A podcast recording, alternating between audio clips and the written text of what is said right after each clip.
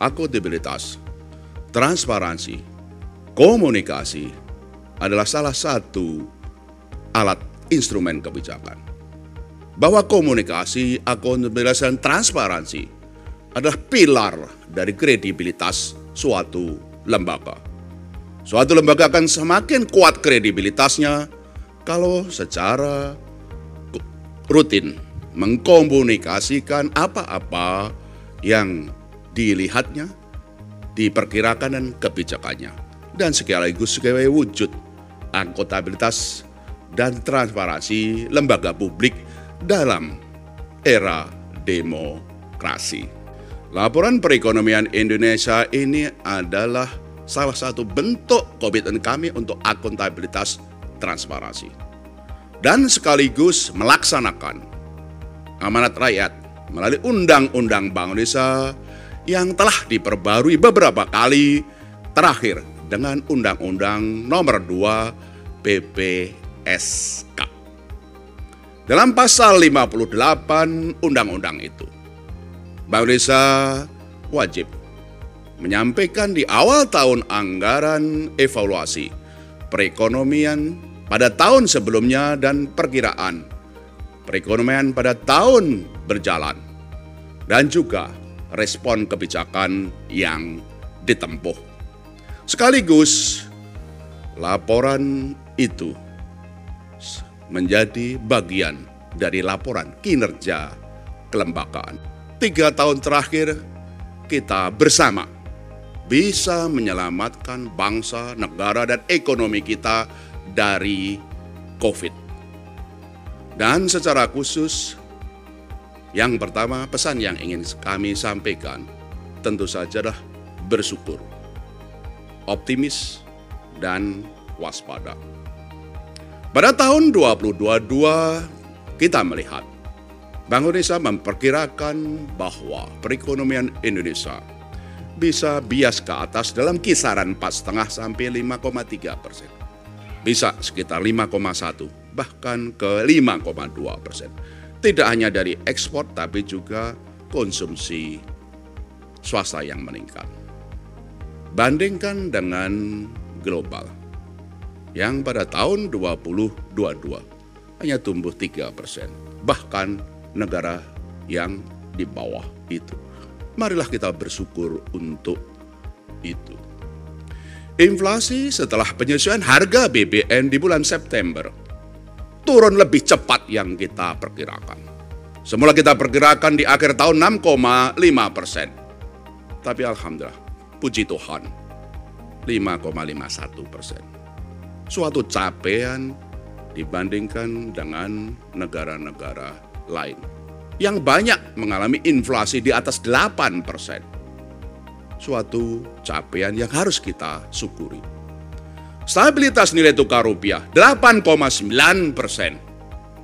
Di tengah penguatan dolar yang sangat kuat, hampir 20-20 persen, 25 persen. Stabilitas nilai tukar rupiah sebagai pilar stabilitas ekonomi dan politik kita. Transaksi berjalan surplus. Dan tentu saja kredit tumbuh 11,1 persen marilah kita bersyukur. Digitalisasi begitu cepat. Kris 30 juta. Transaksi e-commerce begitu cepat. Fintech dan digitalisasi perbankan yang betul-betul membanggakan kita. Mari kita bersyukur. Tahun 2023 kita harus waspada. Global masih belum bersahabat, masih bergejolak. Tapi dengan keyakinan kita, mari kita optimis. Bank Indonesia memperkirakan di tahun 2023 ini pertumbuhan 4,5 sampai 5,3 persen. Kemungkinan sekitar 4,9 persen. Bisa saja kalau konsumsi cepat bisa mengarah ke 5 persen. Inflasi dari 5,5 persen kami pastikan inflasi inti di semester 1 di bawah 4 persen. Inflasi indeks harga konsumen setelah dampak dari base effect kenaikan harga BBM di bulan September akan di bawah 4 persen. Bandingkan dengan dunia yang masih high inflation.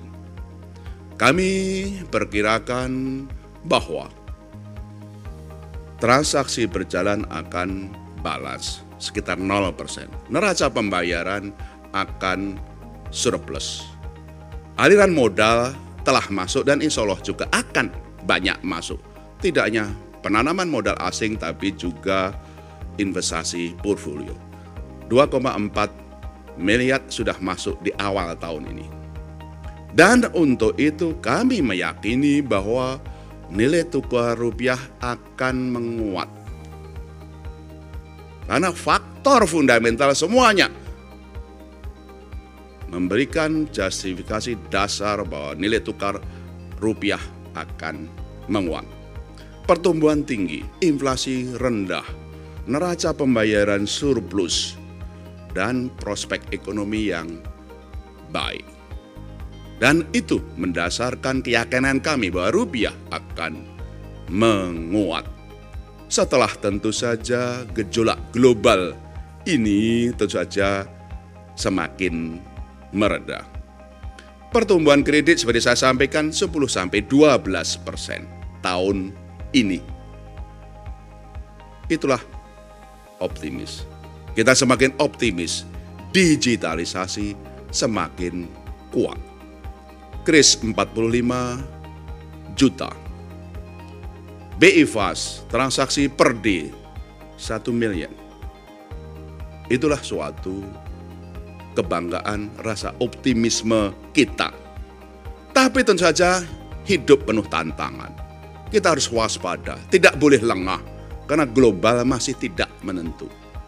Tapi kewaspadaan itu tentu saja harus kita ukur, kita takar dan mempersiapkan manajemen risiko skenario-nya. Mari kita bersyukur. Mari kita optimis dan tetap waspada. Apa yang mendasari rasa syukur, rasa optimis, dan rasa waspada kita? Tiga kata. Konsistensi, inovasi, dan sinergi. Case, mari kita konsisten, mari kita inovatif, mari kita sinergi. Konsisten. Semua kita punya amanah. Semua kita diberikan tugas dan tujuan masing-masing.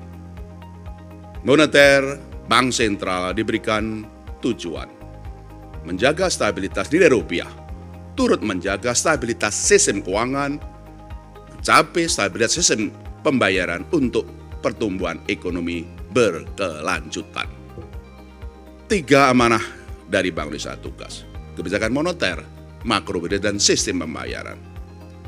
Kami terus lakukan polisi-polisi itu adalah konsisten. Dengan kaidah-kaidah pemikiran, teori, dan pengalaman selama ini, kaidah-kaidah kebijakan yang prudent, yang konsisten, yang tentu saja sesuai dengan tujuan dan tugasnya. Konsistensi kaidah-kaidah baku tentu saja tidak selalu cukup. Apalagi dalam masa COVID, apalagi masa dalam gejolak global, tidak semua permasalahan yang dihadapi bisa diatasi dengan konsistensi suatu kebijakan. Oleh karena itu, terobosan, inovatif, dalam zaman normal tentu saja nilai tukar akan kami biarkan mekanisme pasar.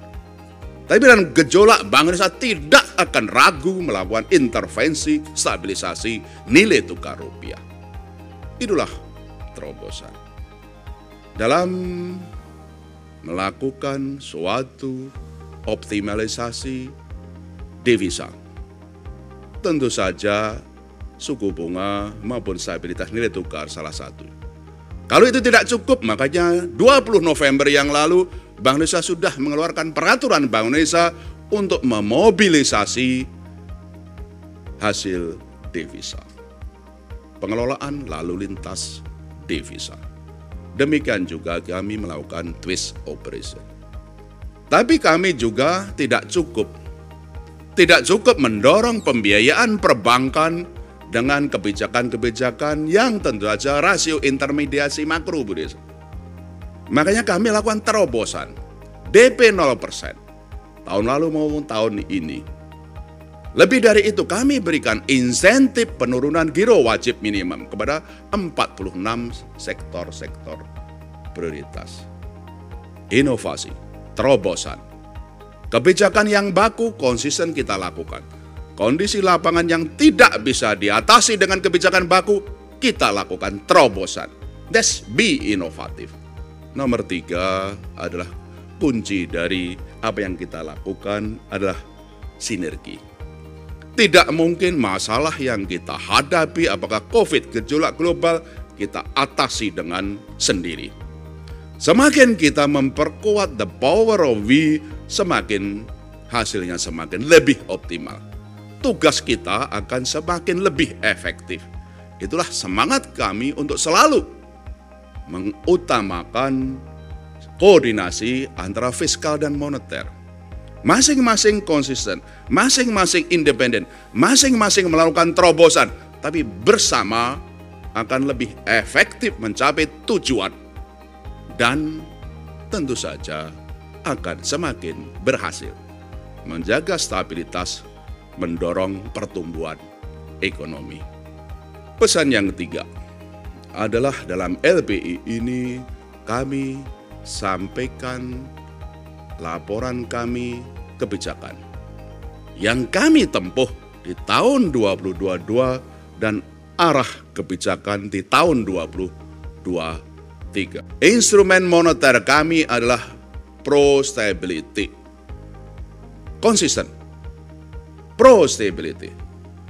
Sementara instrumen makro prudential, sistem pembayaran, demikian juga pasar uang, inklusi ekonomi dan hijau dan syariah adalah pro growth.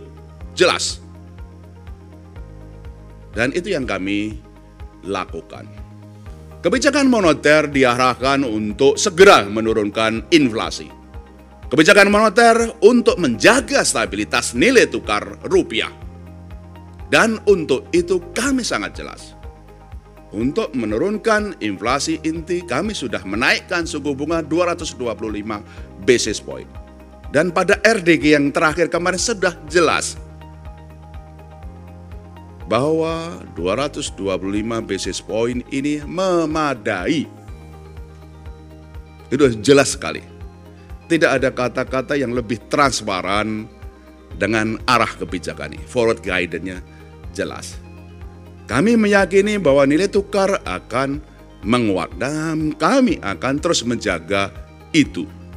Dan tentu saja kami akan terus mengoptimalkan pengelolaan lalu lintas devisa untuk stabilitas nilai tukar kita, untuk stabilitas eksternal kita, stabilitas ekonomi kita. Makro Indonesia tetap pro growth. Sudah kami pastikan DP 0%. Kami akan pastikan likuiditas lebih, lebih, lebih. Digitalisasi besar-besaran. Tidak hanya Kris 45 juta, tidak hanya BI Fast 1 miliar, tapi juga ASEAN 5 Connectivity. Itu menjadi pilar.